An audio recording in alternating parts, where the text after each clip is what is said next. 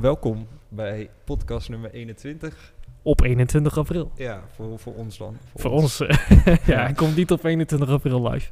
Ik, eh, ik zie dat we een gast hebben. Ja, ik zie het ook. Namelijk eh, Andy Berendsen, als ik het goed zeg. Zeg je helemaal goed. ja, welkom man. Ja, Welkom. dank je. Ja, Dank leuk je. dat je, dat je bij ons komt aanschuiven. En eh, ja, wederom, zoals jullie gewend zijn, komt eh, onze gast, in dit geval Andy, vertellen wat zijn affiniteit met NFT's is, wat hij allemaal doet, crypto-related. Dus ehm, ja, we gaan vandaag aanhoren eh, hoe jij er allemaal in staat, wat je allemaal hebt meegemaakt, eh, hoe je in contact bent gekomen met deze hele wereld. Eh, ja, en je hebt een super vet bedrijf opgezet waar we ook eh, graag meer over horen. Oké, goed Nou, om te int- horen. introduce yourself. Ja, man. precies. Trommelgeroffel. Dacht ik al. Ehm, ja, mijn naam is Andy, Andy Berendsen. Ehm, eigenlijk een, ehm, een eh, bedrijf gestart in 2020. 2021 moet ik zeggen. Het is echt, echt nog een jong bedrijf, is vorig, jaar. ook gewoon. Vorig jaar. Ja, er is zoveel gebeurd afgelopen jaar. Dus Ja. dat is altijd even schakelen. Ehm, dat is Under Reality inderdaad. Ehm, waarbij we bedrijven helpen met de eerste stappen in de metaverse. En dat is echt heel divers. Van inderdaad het opzetten van een NFT-project tot aan een compleet virtuele wereld. 3D-wereld voor een merk, voor een fashion brand of voor eh, e-commerce partijen. En crypto's. We bouwen ook eh, crypto coins. Mhm. Dat is eigenlijk heel divers.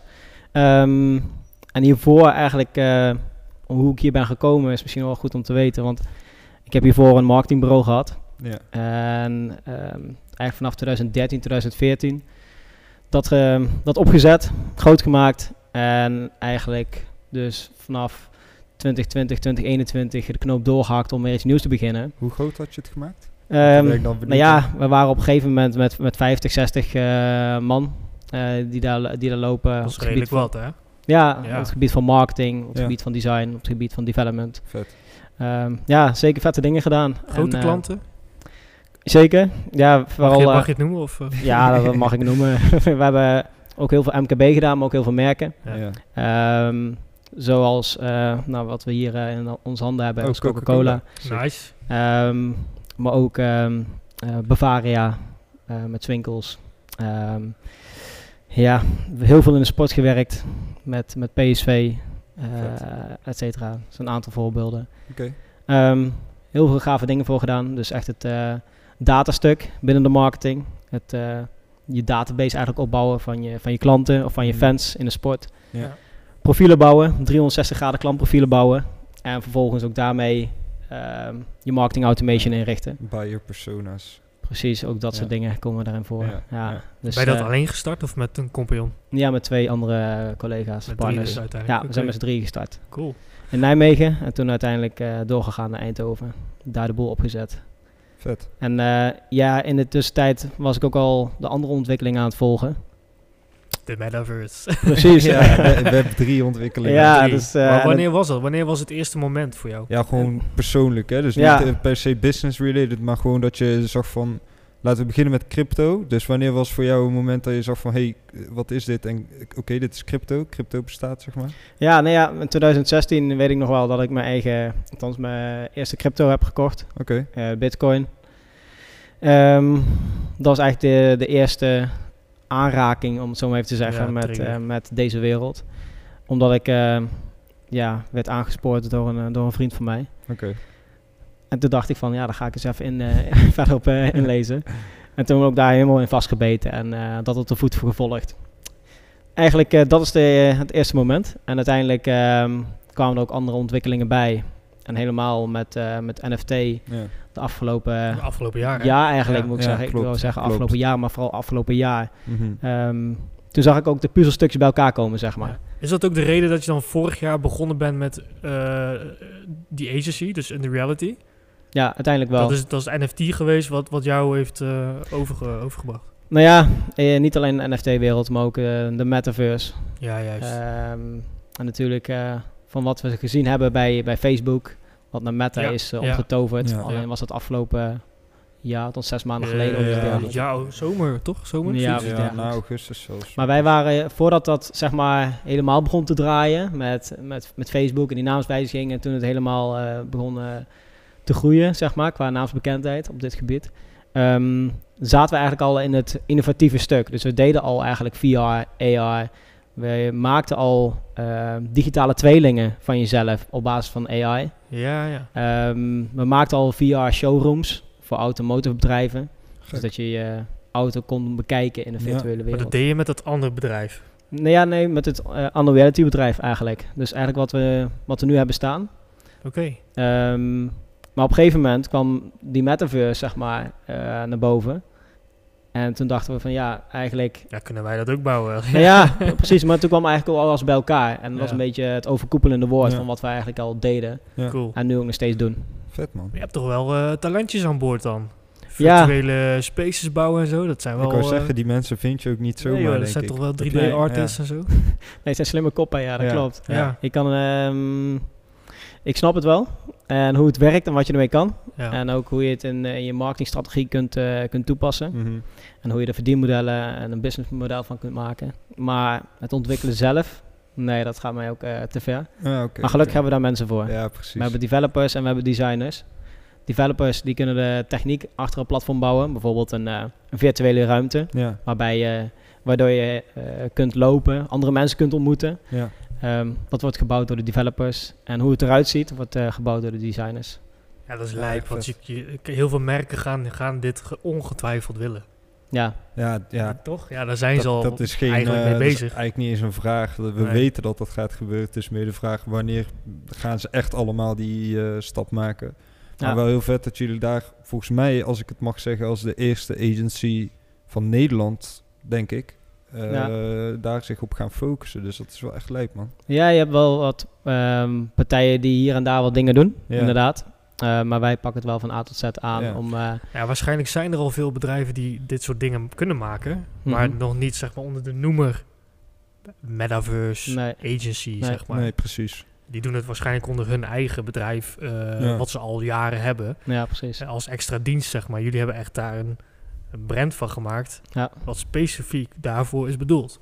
Ja, waarschijnlijk wat jij zegt, kom je op een soort web 2,5 uit bij de meeste agencies straks. Ja, 2,5. Dus die gaan dan eh, die zeggen van, eh, nou wij zijn eh, nog steeds een full service marketingbureau en daar, daar hoort nu ook eh, eh, NFT eh, Ja. be- ja, ontwerpen en, en eh, dat Nou ja, precies. Maar tegelijkertijd zijn we ook realistisch en eh, is nog niet iedereen er klaar voor. Nee, Ook niet de gebruikers. zeker niet. En is de techniek zelf er ook nog niet klaar voor. Nee, joh. Niet 100%. Klopt. Er zijn nog heel veel grote stappen te zetten. Maar wij helpen bedrijven in elk geval met de eerste stappen. Om de Ja. kennis mee te maken met wat het kan. Wat blockchain kan doen voor je organisatie. Wat de metaverse met NFT's, crypto's, et cetera, kan doen voor jouw organisatie. Maar we beloven ook niet eh, de wereld, zeg Nee, maar, ja, en, je eh, kan geen gouden bergen beloven in Nee. deze wereld. We weten, ja, het, het is echt een beetje, ik zal geen 50-50 zeggen, want het is voor de lange termijn denk ik altijd interessant om daarmee eh, te beginnen. Maar ja, eh, je moet niet denken dat als je als bedrijf vandaag een NFT-project start, dat je volgende week een paar miljoen op de bank hebt staan. Dat is helaas niet, eh, Nee. niet het geval. Moet ook niet de intentie zijn. Nee, dat moet is ook helemaal niet eh, de drijfveer. Tenminste, moet- dat is voor sommigen wel de drijfveer. Maar ik zie bijvoorbeeld zelf eh, heel veel potentie in het loyaliteitsstukje. Hè, dus dat een bedrijf eh, op een nieuwe manier een klant kan vinden en benaderen, maar ze ook op een nieuwe manier iets kan terug gaan geven in de vorm van loyaliteit. Ja. Dus wat we voorheen kenden met ehm, een voucher of eh, in de app bepaalde punten gespaard te hebben. Memberships en zo. Nou, dat, dat Ja, vooral denk ik dat heel veel bedrijven dat als eerste kans gaan zien van hey, is eigenlijk helemaal niet zo super ingewikkeld. Eh, je hebt nu een, eh een reality eh, en, eh, en, en een launchpad, metaverse. Die heb je dan om, eh, om zoiets op te, knal, op te zetten. Dus ik denk dat dat vooral interessant is. Weet niet hoe jij, wat, wat jouw visie daarop is. Wat jij denkt dat vooral het aantrekkelijkste is voor bedrijven. Nou ja, dat, dat is eigenlijk voor elk bedrijf anders. Het is niet zeg maar dat, dat we één pakket hebben wat voor elk bedrijf interessant is. Ehm, dat geldt ook in normale marketingwereld, zeg maar. Maatwerk. En ja, wat, wat wij, wij helpen eigenlijk gewoon klanten met eh, waar ze tegenaan lopen of, waar ze, of ze komen met ons met de vraag. Ehm, kijk, laat ik zo zeggen. ehm, voorheen bij het andere bedrijf waren wij ook eh, een van de eerste op het gebied van eh, data marketing. En die mensen hadden er wel van gehoord. En, maar voor de rest wisten ze helemaal niet wa- wat je ermee kon. En ehm, wij, gingen, wij moesten ook het verhaal vertellen, wat je ermee kon. En wij zijn steeds het podium opgegaan. En dat, dat het belangrijk is, data opbouwen, leer je klanten kennen, et cetera. Ja.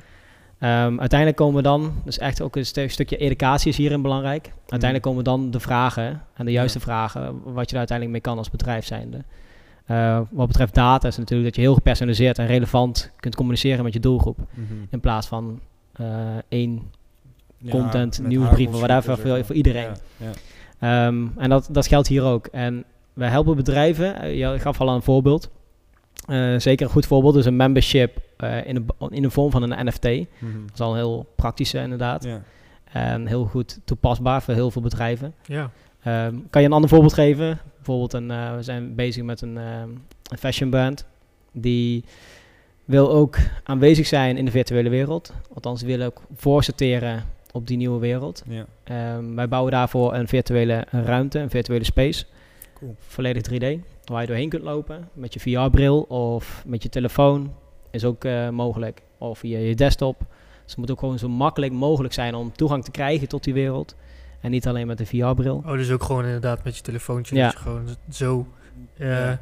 is, dat, is dat zeg maar ook in, in de space zelfs, als je telefoon naar hier beweegt, dat je dan ook Ja, de ruimte daar ziet, zeg maar. Ja, Ja. En dan in een virtual omgeving, dat is niet augmented eh, op je telefoon. Nee, Het virtual zou nog kunnen, maar in dit geval is het virtual. In dit geval, Ja. ja.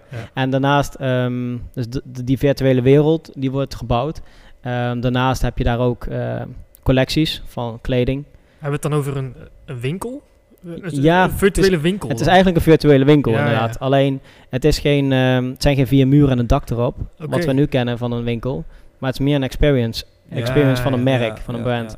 Daar kun je helemaal los in gaan in de virtuele wereld. Je hebt daar Ja, geen- je kan los, hè? Ja, je hebt daar geen beperkingen. Als je in de, in de binnenstad van Amsterdam een eh, winkel wil opzetten, Ja. nou, succes. Eh, dan kom je tegen heel veel eh, beperkingen aanlopen. Ja. En in de metaverse heb je gewoon oneindig. Ja. Ja, gewoon Eh, niks. Ja, Er dan zijn kun je helemaal losgaan. restricties, dus ja, eh, sky is the limit, letterlijk. Ja, precies. Ja. Dus eh, ja, of het een winkel is, ja, je kunt een winkel noemen. Maar winkel eh, 2.0, of Ja, misschien wel ja, winkel 3.0 3.0 eigenlijk. Ja, een Web 3 winkel. Maar goed, Ja. uiteindelijk ehm, is het leuk, zo'n virtuele wereld en zo'n virtuele ruimte. Ehm, daar zul je ook, in dit geval, in dit project, eh, zul je ook kleding zien. Dus als gebruiker, als eh, klant kun je daar naar binnen lopen. Je kunt andere mensen ontmoeten, dus die ook in die winkel zijn. Ja. Eh, daar kun je mee praten, daar kun je mee eh, de handen schudden. Maar je ziet ook de kleding, net als dat je dat gewend bent als je door de, eh, door de winkel loopt in de fysieke wereld. ja, dus de virtuele kleding wordt dan ook ontworpen door jullie. Precies. Oh, sick. Ja, dat is wel leuk. Dus, ja. ehm, en De- die, ken je de Fabricant? die, Ja, die daar, hebben we dus ontmoet voor, eh, Ja, op de NFT, op de NFT confer- conference. conference. Ja. Die, eh, ja, die, on- die maken dus ook virtuele kleding.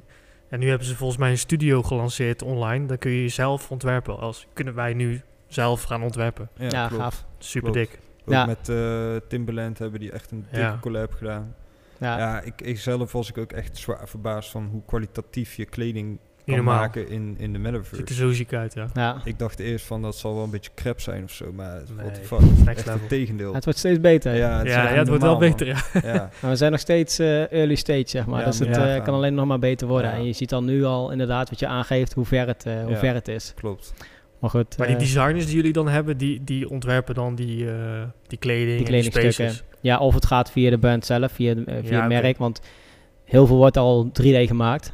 Ja, de Eh, designers van een kledingmerk, die ontwerpen eigenlijk al 3D. Ja, daarom. Ja, en daarna wordt het Niet geproduceerd. altijd zo, Ja. maar bij veel grote merken wordt het al 3D gemaakt.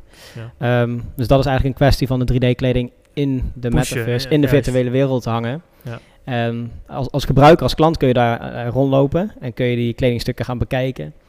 Je zou het nog zelfs eh, kunnen, kunnen, kunnen voelen en- en kunnen passen op je eigen avatar, weliswaar. Ja, Ehm, want iedereen loopt daar als een eigen avatar. Dus je bent niet eh, zoals je hier eh, bent. Zou Nee, nog wel kunnen, Met een uiteraard. Clone X of zo. Of een, Ja, een Bored bijvoorbeeld. Ja. Of je hebt eh, Ready Player Me. Ik weet niet of jullie die kennen. Ja, ik heb die wel eens voorbij Dan zien kun je heel gemakkelijk je eigen avatar maken. Klopt, in drie klopt. klikken.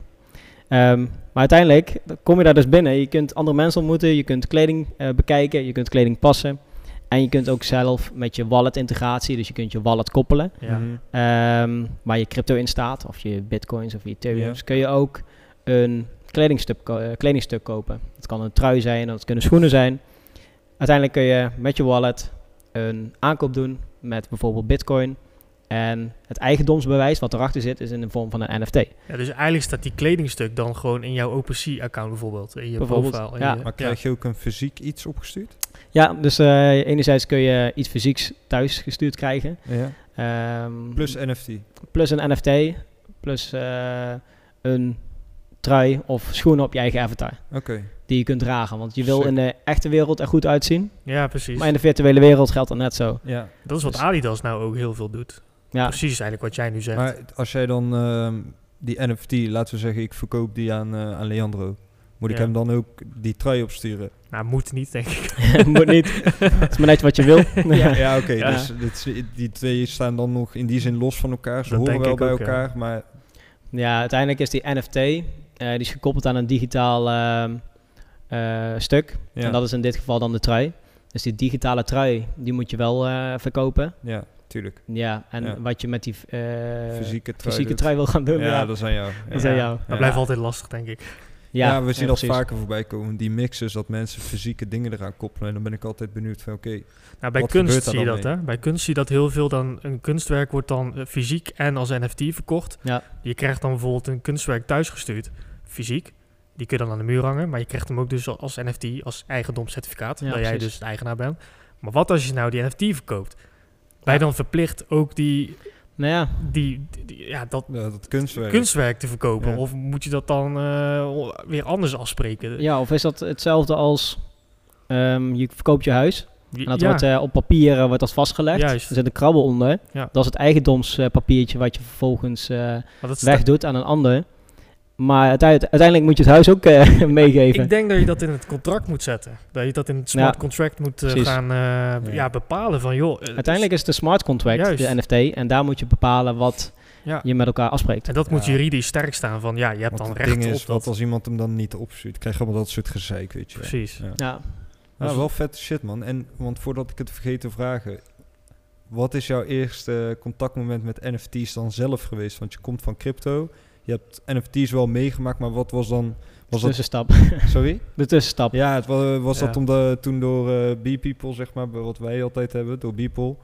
Ehm, dat horen we heel vaak. Ik, dat was ergens rond maart, maar hoe, hoe is het bij jou gegaan? In 2020 heb ik een eh CryptoKitty gekocht.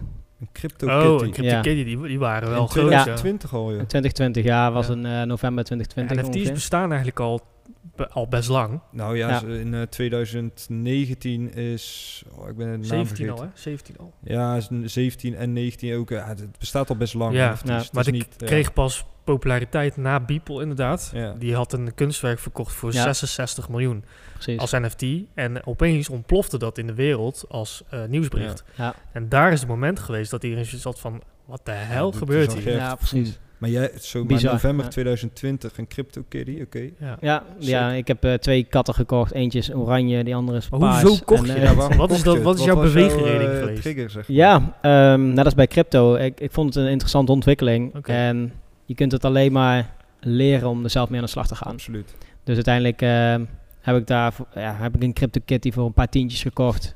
Maar wacht Per even. kat. Hoe kom je bij een CryptoKitty terecht? Dat was een hele goeie.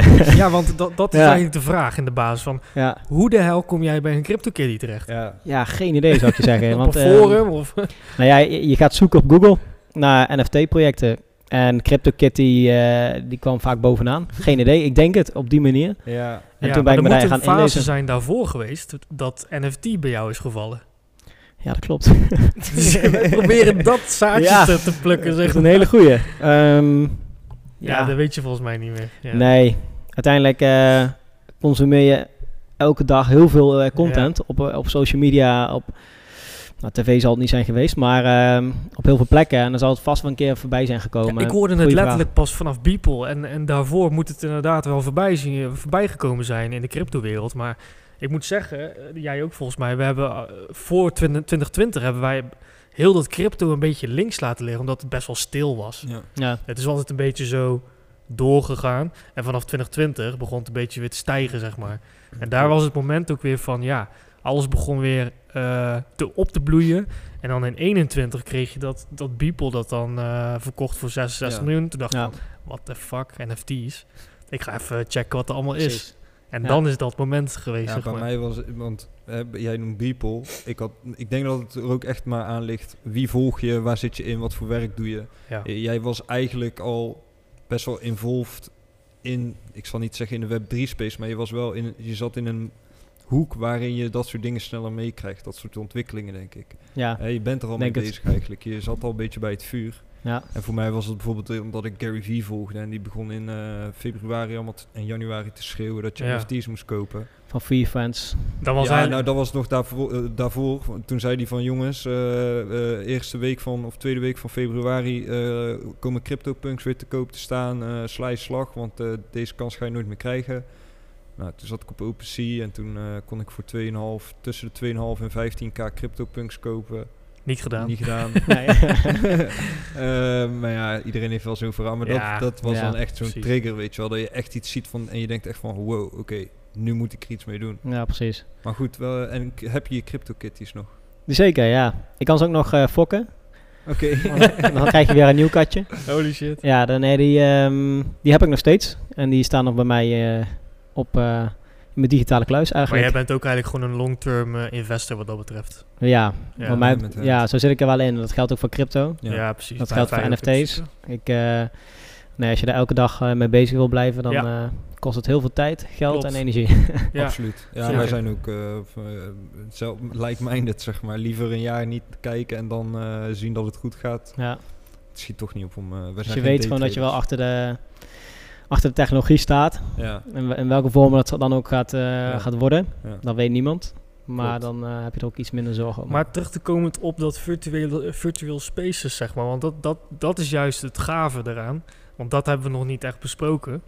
Eh, in zo- zo'n virtuele wereld bouwen, daar hebben wij nog niet echt mensen in gesproken, zeg maar. Nee, dat, En dat vind ik ja, wel interessant, precies. omdat daar willen we wel wat meer van weten, denk ik. We hebben alleen... We, we spreken vooral mensen die, zeg maar, de bouwers al hebben geconnect Ja, en hun eigen shit daarin eh, laten zetten, zeg maar. Mhm. Maar hoe begint zoiets? Hoe ontstaat zoiets?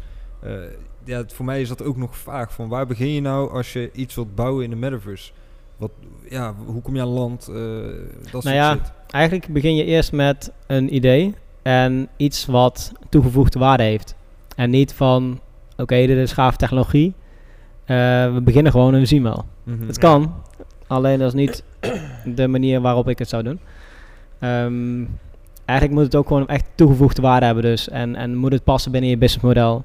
En moet je de doelstelling, doelstelling aankoppelen. Moet er een strategie zijn. Net als dat je dat in marketingland ook doet, zoals we dat kennen. Dat geldt ook met dit nieuwe kanaal. Ik zie het ook een beetje als een nieuw kanaal. Het is een virtueel kanaal wat erbij gekomen is. Want we kennen, we hadden het hier al eh, hier voor de podcast nog eventjes over. Ehm, we hebben een website. Met een als je een bedrijf hebt, heb je een website, laat ik het zo zeggen. We hebben een mobiele app. We hebben social media kanalen. Het zijn allemaal eh, contactmomenten met je doelgroep. Ja, En dat komt er nu eentje bij. En dat is de metaverse. is de virtuele wereld. ja Web 3, hoe je het ook En eigenlijk moet dat kanaal ook binnen je eh, huidige marketingstrategie eh, passen. Ja. Ehm, zo zie ik het, dus daar begin je mee, om op je vraag terug te komen. Oké, oké. En vervolgens gaan we kijken, oké, eh, wat is het verhaal wat je daar wil gaan vertellen? Ehm, en wat zit, welke doelstellingen zitten erachter? En vervolgens gaan we het uittekenen, gaan we het designen, gaan we de marketing, nou de marketing, de IT-infrastructuur Ja. daarachter eh, gaan we definiëren. Vervolgens hebben we dat allemaal uitgewerkt en eh, dan pas gaan we bouwen. En we gaan niet vanaf... Bouw je in Decentraland of in Sandbox of gewoon een op zichzelf staand metaverse? Nou ja, we allemaal. eh, of allemaal niet. Ligt er maar net Ehm, aan hè, of ja. het bij dat bedrijf past natuurlijk. Precies, net als dat je ehm, eh, het bedrijf wat ik hiervoor zat, en dat doen we nu ook met een nieuw bedrijf, maar we pakken altijd de software, de platforms, wat het beste past bij het bedrijf. Ja, ja. Iemand Dus het is die, niet- eh, ja, iemand die een bank verkoopt, zet je op Pinterest, want dat, die heeft impressiefoto's, dat soort dingen. Ja, maar- bij wijze van spreken wel, ja. ja, en Ja. dat, zo ga je dan ook in de metaverse die onderverdelingen maken. ja. Dus we kijken eerst naar het bedrijf, oké, wat, he- wa- hoe, ehm, ehm, wat is jullie visie, missie, bla bla bla. Eh, wat past bij jullie bedrijf? En bij het ene bedrijf past Sandbox, bij het andere bedrijf past Decentraland. Ehm, bij sommige bedrijven pa- passen die beide niet. Of Roblox? Roblox of... Ja, of eh, je hebt ook nog Somni- Somnium. of, Somnium, ja. Ja, daar heb je dan weer Ja, je hebt iets best wel andere veel mogelijkheden. werelden al, even, kl- klaargestoomde werelden, zeg maar. Ja, dus we Maar- pakken echt de beste, de Maar- best passende eigenlijk uit de markt. Maar bouwen jullie dan niks op zichzelf staande werelden? Kan ook. We kunnen ook bouwen, we kunnen de platforms ook zelf bouwen. Het Juist, is alleen even de vraag of je dat wilt, want dat Ja, is wel dat is tijdsintensief. juist. Ja. Maar het kan wel. Maar dan heb je wel alles in je eigen beheer. Ja. Ja, en dan heb nee, je geen precies. eh, kosten, want je betaalt ehm, ook een licentie bij dat soort platforms. Vaak ook in een royalty of een, Mm. eh, in een eh, percentage van wat Bij je verkoopt aan items. Ja. Op zo'n eh Decentraland bijvoorbeeld. ja. Dus per item is het, ik weet niet of het 5% Maar, of eh, 2,5% is. Je, je koopt toch eigenlijk, je koopt toch een stuk land en daar bouw je op, toch? Ja, dat geldt voor Decentraland of Sandbox met name ook. Ja, Ehm, maar dat is toch super duur? Ja, dat klopt. Vooral als je naar Snoop Dogg wil gaan wonen. ja, ja, ja, dan ben je 300 k kwijt. hè. nee, maar goed, Ja. ik kan me voorstellen dat, dat merken daar ook wel een beetje van schrikken of zo. Van duur stukken land dat Ja. je moet kopen om daar iets, een experience te gaan bouwen, of niet? nou ja, ehm, als je het mij vraagt, is het bizar. Dat klopt. Ik, Ja, eh, toch? ja, tuurlijk. Ehm, maar ja, zo is het businessmodel Ja, opgebouwd. Ja. ja. Ja, that's the way it is. Maar je kunt inderdaad ook je eigen platform bouwen. Je, kan ook, Ja. eh, je hebt andere keuzes om te maken. Je hoeft Ja, niet per se voor tuurlijk. Sandbox bijvoorbeeld in dit geval te De gaan. Nee. dat het- we zeggen nu dat het duur is, maar ik denk dat als je over vijf jaar kijkt, dan denk je, oh shit, het was toen echt goedkoop, man. Ja, Dus Ja. het, is, het is ook maar net, het is allemaal dat zeiden ze bij. Bitcoin toen ook, toen hij op 100 euro stond. Dan zei ja, what the fuck, je gaat er geen bitcoin kopen Ja. op 100 euro. Zei iedereen 20 jaar geleden ook van eh, huizenprijzen, toch? ja, precies. zo- Ja, Dat, dat is allemaal perspectief dus. Maar wa- waar ik dan Kwestie ook naar tijd. benieuwd ben, is... Zitten er dan ehm, verschillen in de technische uitdagingen op basis van welke metaverse je kiest? Of welk landschap je kiest, zal ik maar zeggen? Ehm, hoe bedoel je de vraag? Je bedoelt Nou, de is het technische... bijvoorbeeld moeilijker om in Decentraland te bouwen ten opzichte van Sandbox? eh, of, of is het weer makkelijker in... Of is, is dat allemaal een beetje hetzelfde? Want ja, je hebt een team Nou ja. met mensen. Ik bedoel, die hebben skillsets. Eh, kan, kan degene die in Sandbox een mooi ja, gebouw kan bouwen, dat ook in Decentraland? Ja. Nou ja, kijk, de platformen waar we het over hebben, of de platforms eh, waar we het over hebben, is ehm, Sandbox en Decentraland. Kan je heel gemakkelijk inbouwen. Laat ik, het, eh, laat ik, dat, ik, laat ik dat voorop stellen. Ehm, maar als je echt custom-made dingen wil, bijvoorbeeld eh, je wil een game bouwen in Sandbox, of je wil een game bouwen in Somnium, en je moet dan punten kunnen sparen als jij een bepaalde handeling doet in die virtuele wereld. En met die punten kun je dan weer bijvoorbeeld een foutje krijgen in de echte wereld, bij wijze van spreken. Ja. Ehm, dat soort dingen maakt het wel moeilijk, omdat de technologie Ja. nog niet zo ver is. Maar de basisdingen van een virtuele wereld bouwen, bijvoorbeeld een, eh, een, eh, een winkel, ga je bouwen in Decentraland of een sandbox, eh, is heel goed te doen. En natuurlijk hebben we daar- heb je daar wel kennis voor nodig om dat op te bouwen. Ja. En we hebben jongens die, die, en meiden die gewoon heel goed zijn in het bouwen van virtuele werelden binnen Decentraland en Sandbox. En iedereen heeft een beetje zijn eigen expertise. Die andere is weer beter in Somnium of, of een ander platform. Ja, want toen ik een tijdje geleden door, door, door Decentraland liep, zeg maar, dan, eh, en dan, dan loop je gewoon iemand zijn winkel binnen. Daar is niemand, maar Nee, dan loop je nee. dan binnen. dat is dan jammer. En dan loop ik naar boven en, en, en dan, dan zie je allemaal NFT's hangen en je ziet wat, wat, wat ja, andere objecten en zo. En dan denk ik altijd van ja, hoe hebben ze dit gemaakt? Maar, maar blijkbaar is het dus helemaal niet zo moeilijk om, om zo'n gebouw neer te zetten met een trap en dat je naar boven kan. En dat is blijkbaar niet zo heel ingewikkeld dus. Ik vind, ehm, je noemt nu eh, Decentraland, alleen Ja, ik vind ja, dat nog niet precies, of niet per se de, een heel goed voorbeeld zeg maar, van wat het moet, zou moeten zijn het is ook dadelijk. niet mooi of Het is wel een eh, goed begin. ja, waar we- waar we naartoe gaan. nog hè? Ja, het is eh, super blokkerig, maar dat, dat zijn de technische beperkingen die we Ja, hebben. Precies. Want hele hoge grafische werelden met hoge resoluties, dat, dat kan nog niet gedraaid worden op de blockchain. Nee. Althans, dat kost nog heel veel Energie. laadtijd. En, Energie, eh, ja. Dus dat eh, is ook een kwestie van tijd. Maar Sandbox is bijvoorbeeld wel bedoeld. Dat, daar is het blokkerige juist, dat voxel heet dat toch? Ja. Dat is juist daar heel erg de Ja, bedoeling. ja, nee, precies. Dus dat, voor sommige merken is dat wel interessant Ja, precies. om daarop door te pakken. Maar voor Ja. sommige andere merken willen juist een, een, een natuurgebied Mm. na, nabootsen. En Somnium, beetje- ik, ik ben er zelf nog nooit geweest, ik, ik maar ook niet, man. Is dat, hoe is dat? Ja, dat is, eh, wij kunnen bijvoorbeeld eh, ons designplatform, Ja, alles, daar kunnen we echt alles in designen. Deze studio, deze set kunnen we nabouwen. Echt bijna niet van het echt te onderscheiden. Misschien moeten we de volgende keer En dat een, kun je- eh, podcast opnemen ja, in de Somnium, metaverse. ja. nou, bij deze. Ja. Nee, en dat kun je met, met Somnium heel goed koppelen. Eh, dus dat is, dat is dan weer het voordeel van Somnium. Vet. Maar zo zijn er nog drie, vier alternatieven hoor. Want het gaat heel, eh, heel snel. Nou, eh, dat was ook een van de dingen die ik nog wilde. Ik weet niet hoe, hoe diep jij daarin zit hoor. Maar wij hebben op die conferentie heel erg meegekregen van mensen en ook van sprekers dat er heel veel nieuwe in opkomst zijn. Ehm, en dat eh, al die vragen die we nu allemaal stellen, eh, eigenlijk al uit worden gewerkt, zo gezegd. En veel verder zijn dan dat we denken. En dat er al eh, platformen zijn die bijna klaar zijn, die gaan komen, die ons zullen gaan verrassen. Daar wordt dan altijd niet heel veel over losgelaten. Maar eh, houden jullie daar jezelf veel mee bezig met nieuwe metaverse-werelden, om het even zo te noemen? Ja, dat is eigenlijk ook eh, met name mijn taak. Oké. Ehm, echt die wereld eh, bijhouden, ontwikkelingen volgen. Ja. Eh, wat erbij komt, wat eraf valt. Ja. Valt ook heel veel af. Ja. Want Ja, er gaat nog heel veel vallen ook. Ehm, maar dat is, eh, wij moeten gewoon up-to-date blijven. En eh, alles op de, op de voet volgen. Zodat onze klanten ook eh, goed kunnen adviseren daarin. Ja, want ik kan me voorstellen dat als je straks een klant hebt die niet matcht met een Sandbox, een Roblox, een Decentraland en je moet eigenlijk voor een wat kleinere kiezen, Ja. dat daar echt wel wat risico's aan vastzitten gezien het feit dat, wat je net al zei, er heel veel gaan vallen, ehm, Ja. waarvan we het nu nog niet per definitie weten. Zit daar ehm, voor jullie al, zeg maar, als je daar nu naar kijkt, een heel duidelijk dominantieverschil in waarvan je zegt, ja, maar we weten dat de komende vijf jaar een Sandbox en een Decentraland sowieso de main metaverses zullen zijn? Of zitten we nog in een, volgens jou dan in een fase waar dat helemaal nog niet te zeggen is? Dat het over vijf jaar helemaal anders kan zijn? Maar ja, dat is een hele goede. Ja, Kijk, even niemand, niemand weet waar, waar we over vijf jaar staan. En dan, eh, dan lachen we over dingen die we vandaag gezegd hebben. Juist. Of we, zei, of we zeggen van, zie je wel, ik had gelijk. Ja. Maar ehm, nou ja, kijk, eh, Sandbox vind ik wel eentje die gewoon er bovenuit steekt. En, maar ja, Decentraland, die, die kan ook ingehaald worden. Het is alleen ja, echt koffiedik kijken. Dat is een hele goede. Ik durf er geen eh, antwoord op te geven. Maar wat wij wel doen, wij zijn wel voor een schaalbaar... We willen wel een schaalbaar product opleveren voor onze het moet klanten. sustainable zijn, toch? Dus Precies. hoe doe je dat als je niet weet waar zo'n bedrijf over vijf jaar Nee. staat, terwijl je daar wel je land inbouwt? Nou ja, precies. Daarom ehm, dan noem ik weer eventjes Somnium of, eh, of eh, andere platformen die daar in de buurt komen. Maar met ons platform kunnen we heel veel dingen designen. En die kunnen we koppelen aan een willekeurig platform. Dus meer de gateway. En, en Sandbox is een gateway tot de Mhm. metaverse en, Mhm. en Decentraland. Die kun je erachter hangen. Dus ongeacht wat we bouwen aan de achterkant qua virtuele wereld, eh, kunnen wij switchen van gateway qua Oh, dat is wel platform. sick, man. Dus dan kun je wel werken naar een schaalbaar platform. Ja, dus laten we even een heel slecht scenario schetsen. Eh, je hebt net een klant aan boord, je hebt eh, een jaar lang met elkaar gewerkt en eh, Sandbox eh, was the way to go.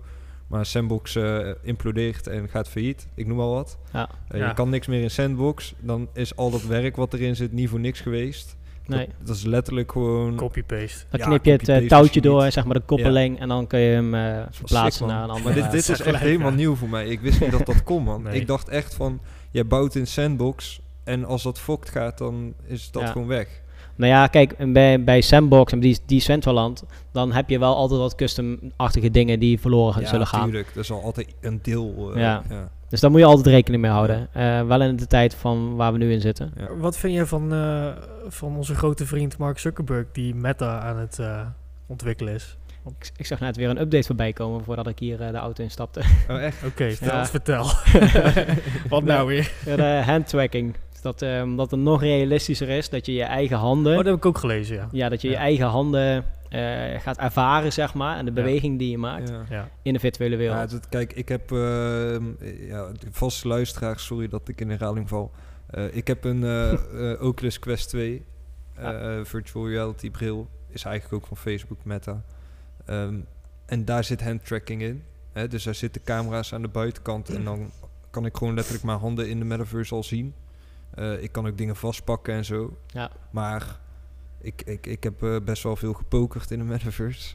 Eh, en dan, ja, soort van zo, zoiets, ja. Ja. En dan ehm, kan je dus ook met je handen, met handtracking, je chips en zo pakken en elkaar een box geven en shit en dat soort dingen. Maar dat is nog wel crap. Dus dat is nog niet, eh, is absoluut niet accuraat. En als er ook maar een beetje te weinig licht is, dan kan hij het dan niet meer tracken. Nee, dan krijg je de kaarten of de munten niet meer te Ja. pakken. Of Daarom. Dus, maar is dat handtracking bijvoorbeeld? Hè? Ik, ik voel daar heel veel voor. Hè? Dus ik ben een hele grote voorstander van eh, daar dingen doen. Ik vind dat vet.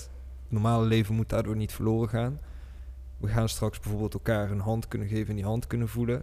Probleem voor mij daarin is alleen dat de voorlopers die die hardware gaan maken, waarschijnlijk ook muren om hun eigen metaverse gaan bouwen. Ehm, net als dus Meta. Die zijn keihard aan het gaan op hardware. Eh, ik denk dat ze een van de eerste gaan zijn met een handschoen. ehm, dat soort dingen. Maar het probleem daarin is, is dat die gear die je dan kan gebruiken waarschijnlijk alleen maar in meta werkt. Wat Ja. is jouw visie daarop? Want wij zijn, zeg maar, ik zal niet zeggen anti, hè, ik ben nooit helemaal Nee, niet anti. Niet anti. Maar ik vind het gewoon jammer of zo dat, dat, dat we in een gedecentraliseerde omgeving alsnog zien dat grote bedrijven gaan vechten om het naar zichzelf toe te trekken. Ze Net als bouwen dat een muur om, om alles Ja, heen. Vergelijk dat altijd met de Web 2-wereld, dat Google en eh, Facebook alle data hebben. Ehm, als jij een product wilt verkopen eh, en je wilt dat met advertenties doen, ja, no fucking way dat je dat zonder Google of Facebook kan gaan doen. Eén Ja. van de twee kan wel, maar niet zonder één van de twee, zeg maar. Ja, nou ja, dat is een, echt een heel groot punt in de, in de ontwikkelingen nu. Kijk, je hebt enerzijds gaan we naar gedecentraliseerd netwerk toe, Ja. gedecentraliseerd internet. Alleen je merkt inderdaad dat in dit geval bij Facebook, bij Meta, het toch eh, gecentraliseerd gaat worden Ja. in dit geval. En dat geldt ook voor andere platformen, dat is niet alleen Meta. Ehm, maar waar dat naartoe gaat, geen idee. Ehm, ik denk dat zij ook moeten straks dat wij als gebruiker ook meer ehm, stemrecht krijgen of meer zeggenschap krijgen in de ontwikkeling van zo'n platform. Ja. En wat daar gebeurt. Maar je merkt nu wel dat Meta inderdaad zijn nieuwe positie probeert te claimen in die Ja, virtuele wereld. Wij gaven dat vorige, vo- ik weet niet of dat vorige week was, maar ergens in onze podcast al een keer aan van, kijk, het is ook wel, kijk, voor ons, wij zien dat zoiets gecentraliseerd is. En dat Facebook, wij zien wat Facebook doet als het ware. Maar voor de normale mens, hè, dus ook voor de mensen die, eh, die, die eigenlijk verantwoordelijk zijn voor de conversies die je ziet in jouw marketingcampagnes, de normale mens even zo gezegd, die ziet dat niet zo, zeg maar. Dus die, die gaat daar gewoon instappen. Die denkt, hé, hey, dat is makkelijk. Als ik mijn Facebook-account koppel, dan kan ik daar gelijk rondlopen en mijn ding doen. Ja, That's it. En ehm, als wij aan social media denken, dan denken wij, dan denkt de gemiddelde mens aan Facebook en Google. Het is niet zo dat dat social media is. En ik ben dan bang dat mensen gaan denken, oh, bang, dat is een groot woord, bang. Dat als we zeggen metaverse, dat mensen aan meta denken. ja. En dat is wel precies waar ze mee bezig zijn. Als, ja precies. Maar daar willen we dus eigenlijk nu vanaf. Want ehm, afgelopen jaren hebben we gezien hoe die techbedrijven eh, met onze data omgaan. Ja, precies. die verzamelen ontzettend veel data van jezelf. Eh, die weten meer van jou eh, dan dan jezelf. zelf, ja. En, en verdienen, die verdienen ook gewoon bakken met geld. Met eh, advertising natuurlijk. En dat was het beste model. En, dat- en dat is prima. Alleen het eh, uitgangspunt van de Web3 is dat het decentralized is. En dat je ook weer eigenaar wordt van je eigen data. Van je eigen eh, stuk wat van jou is. Mhm. En dat er minder macht ook bij dat soort bedrijven gaat liggen. Precies. Dus ja, ik denk uiteindelijk wel dat ehm decentralized platforms, laat ik het zo zeggen, de, de, wel de strijd gaan winnen. Ehm, maar ja, het is even de vraag, in hoeverre kan het gedecentralized en hoe, in hoeverre is het... Kijk, dat, dat is sowieso. Hè. Kijk, ik, Ja. ik ben altijd ehm, een beetje advocaat van de duivel als mensen over DAO's beginnen.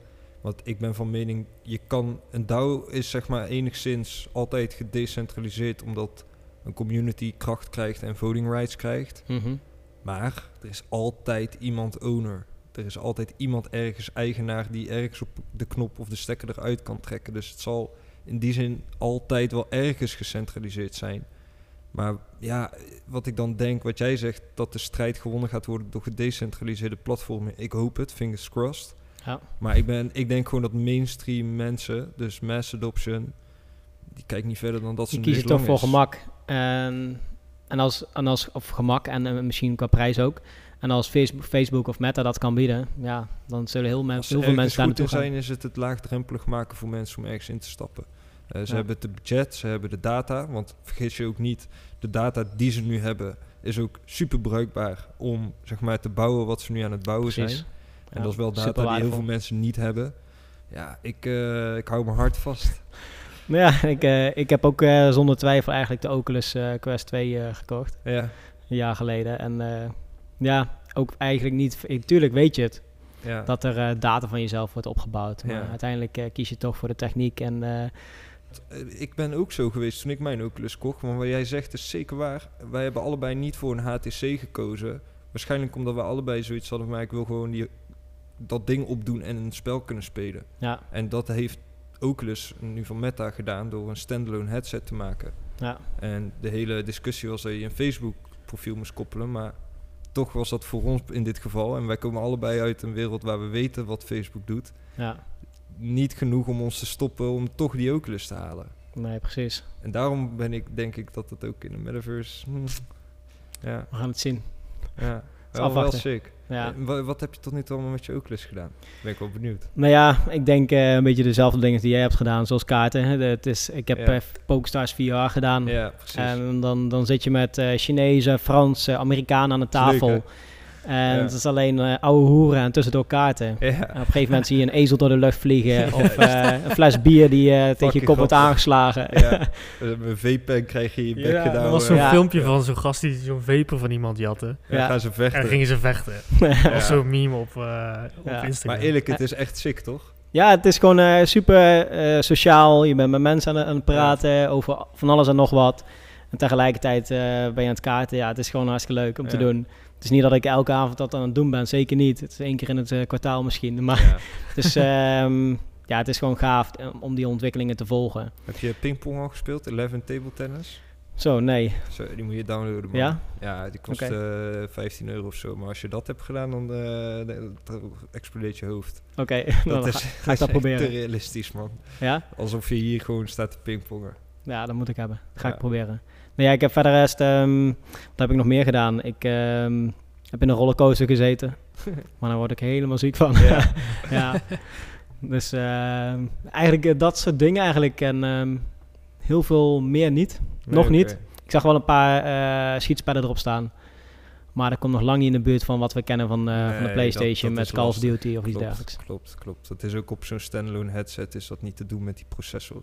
Nee, Dan moet je een goede PC hebben en, eh, en zo aan. ook een eh, kwestie van tijd. Absoluut, absoluut. Ja. Wat is voor jou ehm, de grootste ontwikkeling dit jaar tot nu toe? Als, maar jij zit er best diep in. Wow. Ehm, Dit jaar tot nu toe. Ja, we zijn nu in eh, april. Ja. Wij zien dat er best wel wat gebeurt. mhm. Wat, eh, wat is voor jou de grootste happening tot nu toe? Nou ja, ik vind, eh, kijk, we kennen allemaal al heel lang crypto. En NFT, ja, dat volg ik ook al best lang eigenlijk.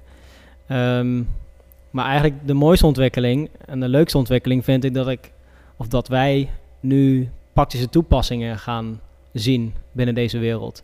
En dat het niet alleen maar schreeuwen is van wij hebben een NFT en ehm, we, zet- we hebben een smart contract op de blockchain of eh, whatever. Of wij zitten in de metaverse. eh, jee, hartstikke mooi. Maar dat we nu ook de, de praktische toepassing gaan zien.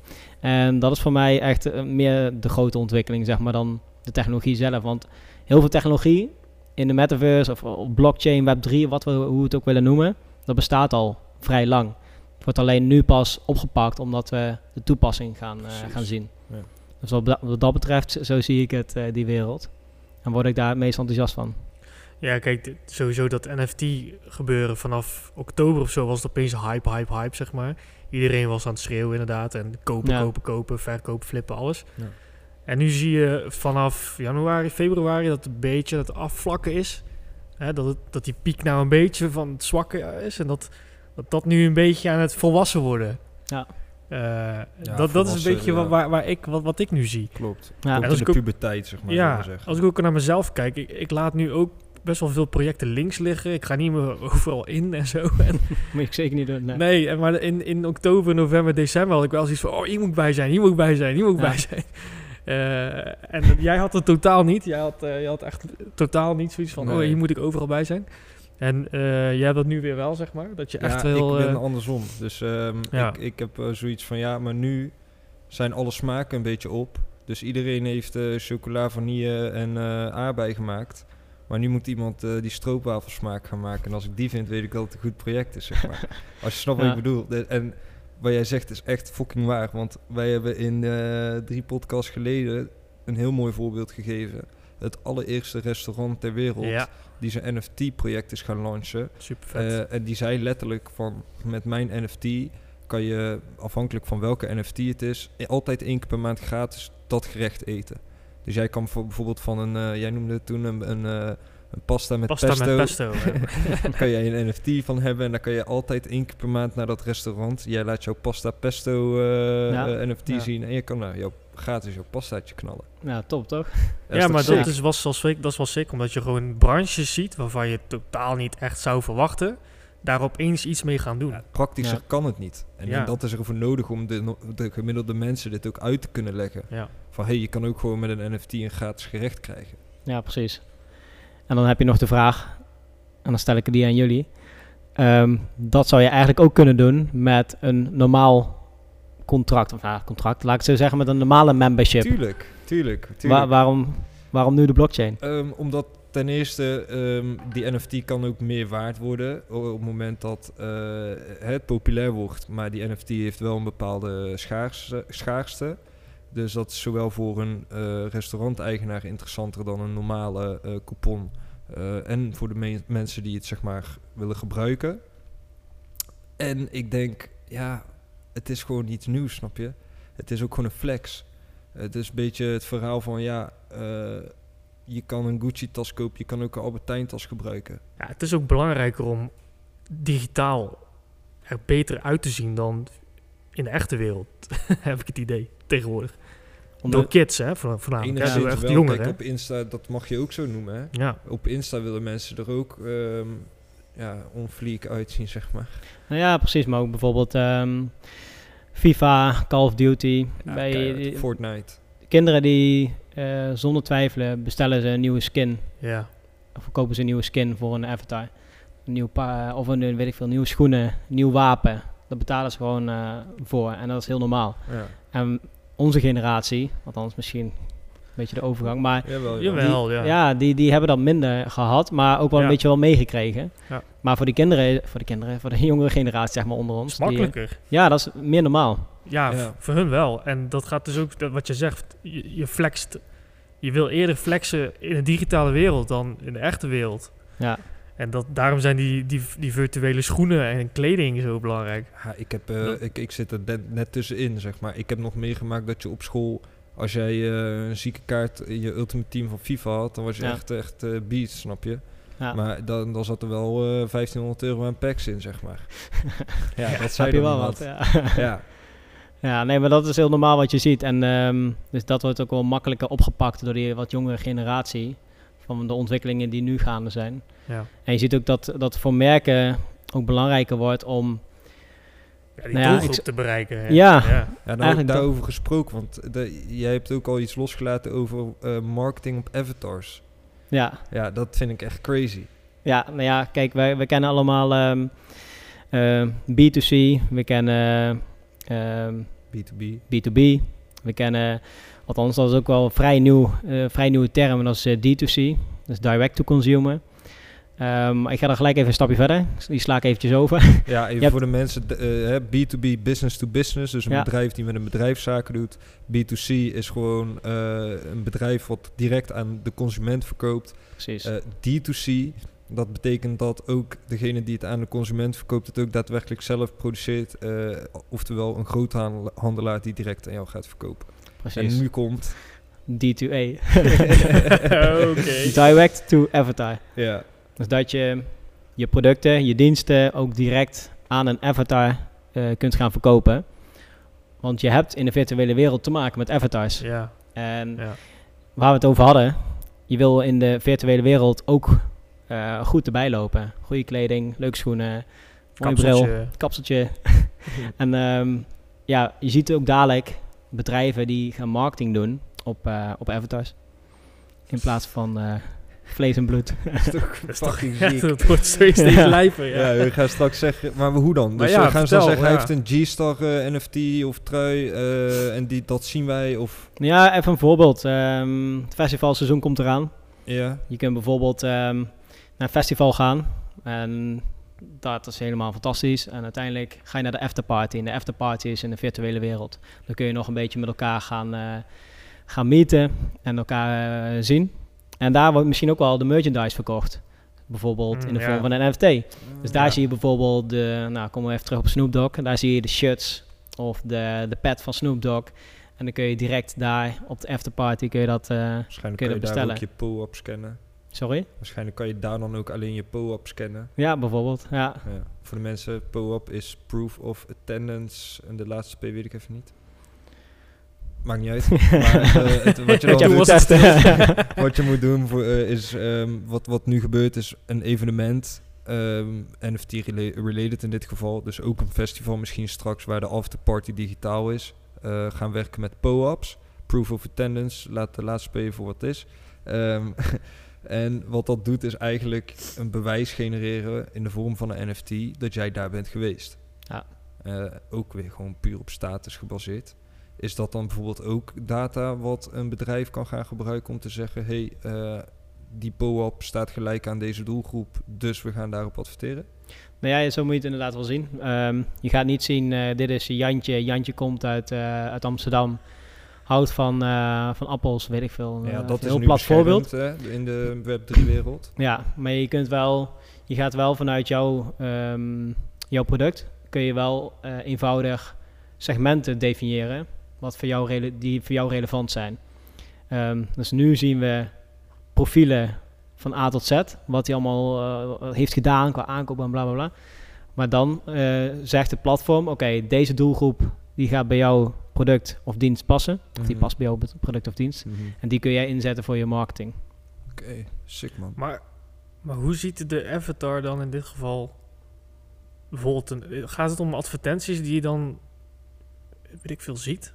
In Ja. de metaverse of wat? Het kan heel plat zijn met een eh, billboard die je in de virtuele wereld oké. Gaan we weer van Ja. offline naar virtual Ja, naar hoe dat eruit gaat zien. Ja, ze kunnen jou ook retargeten in Web 2. Maar je kunt ook eh, denken aan product placements. Bijvoorbeeld, je zit in een pokertafel, zo'n bierflesje die je op iemands hoofd kapot slaat. Oh, ja. Ja, dat, kan ook dik. een flesje zijn van eh Of Bavaria, bij wijze van of- spreken. Ja. Ja, ja, Ja. ja, Ja. man. Ja, of dat doek waar je op poker, daar zit, zit het logo in. Ja, tuurlijk. maar of denk aan, eh, aan een, een Ja. trui van, noem even een bekend eh, fashionmerk. Ja, Nike. Nike. Je, je Ja. hebt een eh, Nike trui aan. En hoe meer mensen jouw merk trui zien van Nike, hoe meer jij misschien ook wel krijgt betaald. Nou, dat jij is maakt- dus interessant, ja. Ja, want jij kunt eigenlijk eh, in deze wereld, en dat maakt de blockchain mogelijk, geld verdienen op het aantal views die jouw trui hebben gezien. Het is eigenlijk een eh, soort vorm play van to play earn. to earn, Ja. maar dan eh, een soort van eh, advertise to earn, of een beetje affiliate. Watch to earn. Of influencers eigenlijk. Eigenlijk influence slash affiliate marketing. ga ja. je ook krijgen. Influencers in de Oh, metaverse, hè? Ja, Ja, ja, ja, ja. Dus mensen jij- die dan weer een bepaalde status creëren en veel mensen kennen in de metaverse. En ja, ja en het mooiste vind ik hier dat eh, met de Web3 is dat je ook zelf waarde kunt opbouwen. En dat je ook zelf kunt creëren. Dus in die wereld waar we naartoe gaan, Web3, kun je ook zelf content creëren. Kun je ook zelf een huis bouwen, bij wijze van spreken. Ehm, en je gaat, het gaat wat opleveren voor jezelf. Eh, en dat kan verschillende vormen aannemen. Maar Mhm. denk inderdaad aan dat, eh, dat geval wat we net Ja, eh, ja. noemden. Sick.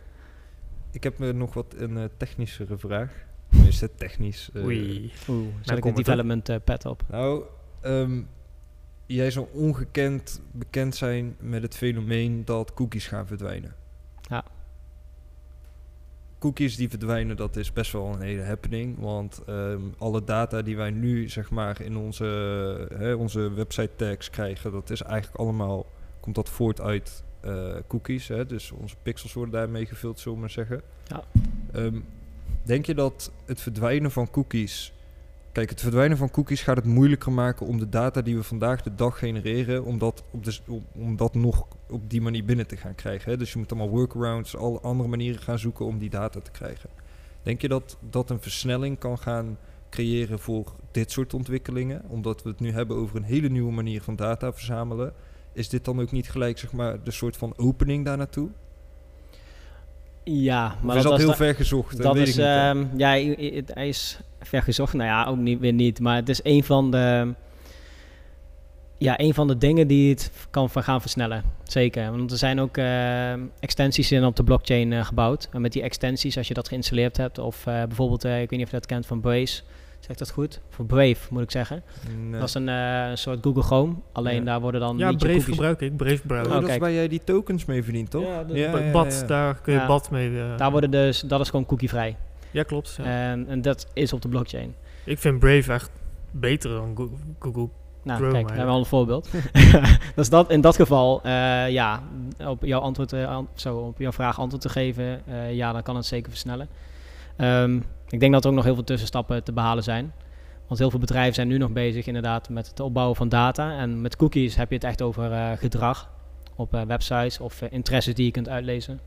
Maar je kunt ook op een hele leuke manier met gamification of met loyalty kun je Ja. persoonsdata opbouwen van een groep die ook echt iets in met je, die echt een binding heeft met je merk. Mhm. Ehm, maar uiteindelijk gaan we wel deze kant op.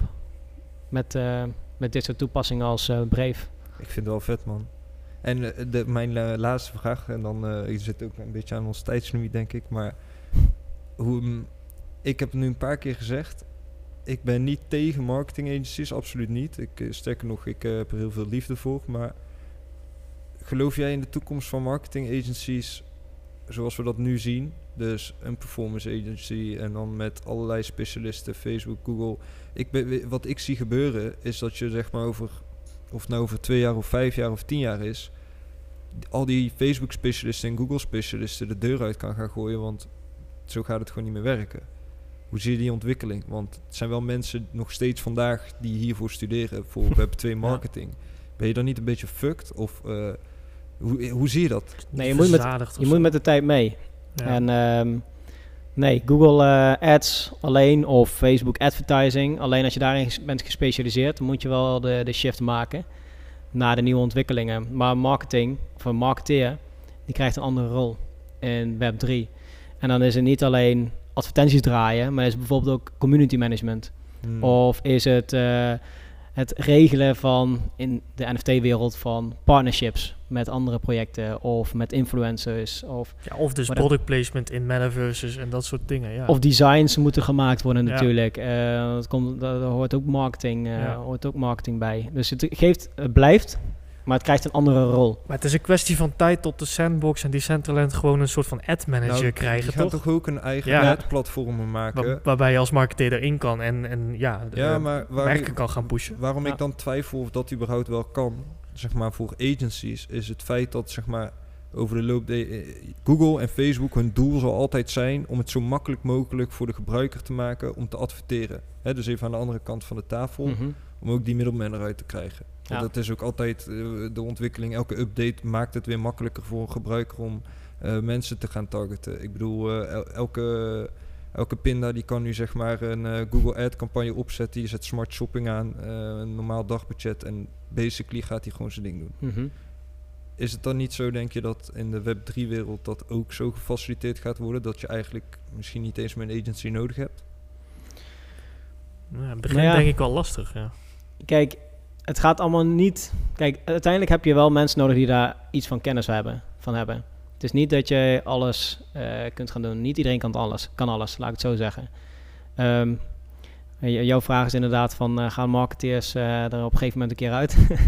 Nou ja, Maar nee, dat niet geloof ik agencies niet. plat. Nee.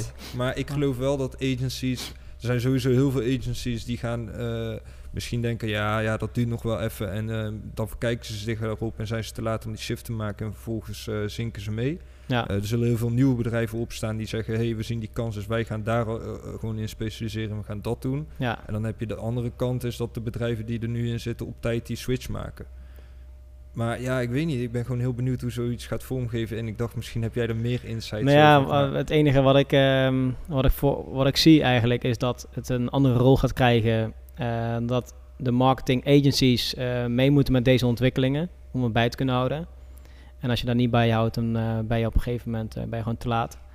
Ehm, en uiteindelijk, ja, ehm, zullen er dingen zijn die eigenlijk ook andere mensen kunnen oppakken. Mhm. Het wordt namelijk ook veel gemakkelijker ehm, om als niet-technisch iemand een design te maken voor een website. Precies. Je kan een template pa- eh, pakken, Ja, je kunt een eh, e-mail nieuwsbrief versturen. Dus eigenlijk zo heb ik ook ehm, mijn kennis opgebouwd in, nou wat was het, mijn eerste bedrijfje in 2012 of iets dergelijks.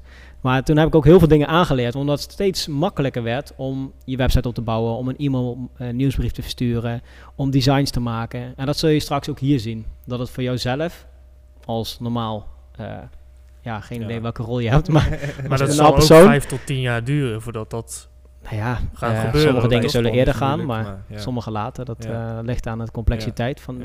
eh, Ja. maar ja, daar wordt nu hard aan gebouw- gebouwd, aan gesleuteld. Daar hadden we nog niet echt veel over gehoord in de podcast. En ik denk dat onze luisteraars dat ook echt nog niet gehoord hadden. Nee, dat zullen ze zeker waarderen. Dus dit is Ja. wel echt waardevol, eh, waardevol gesprek geweest.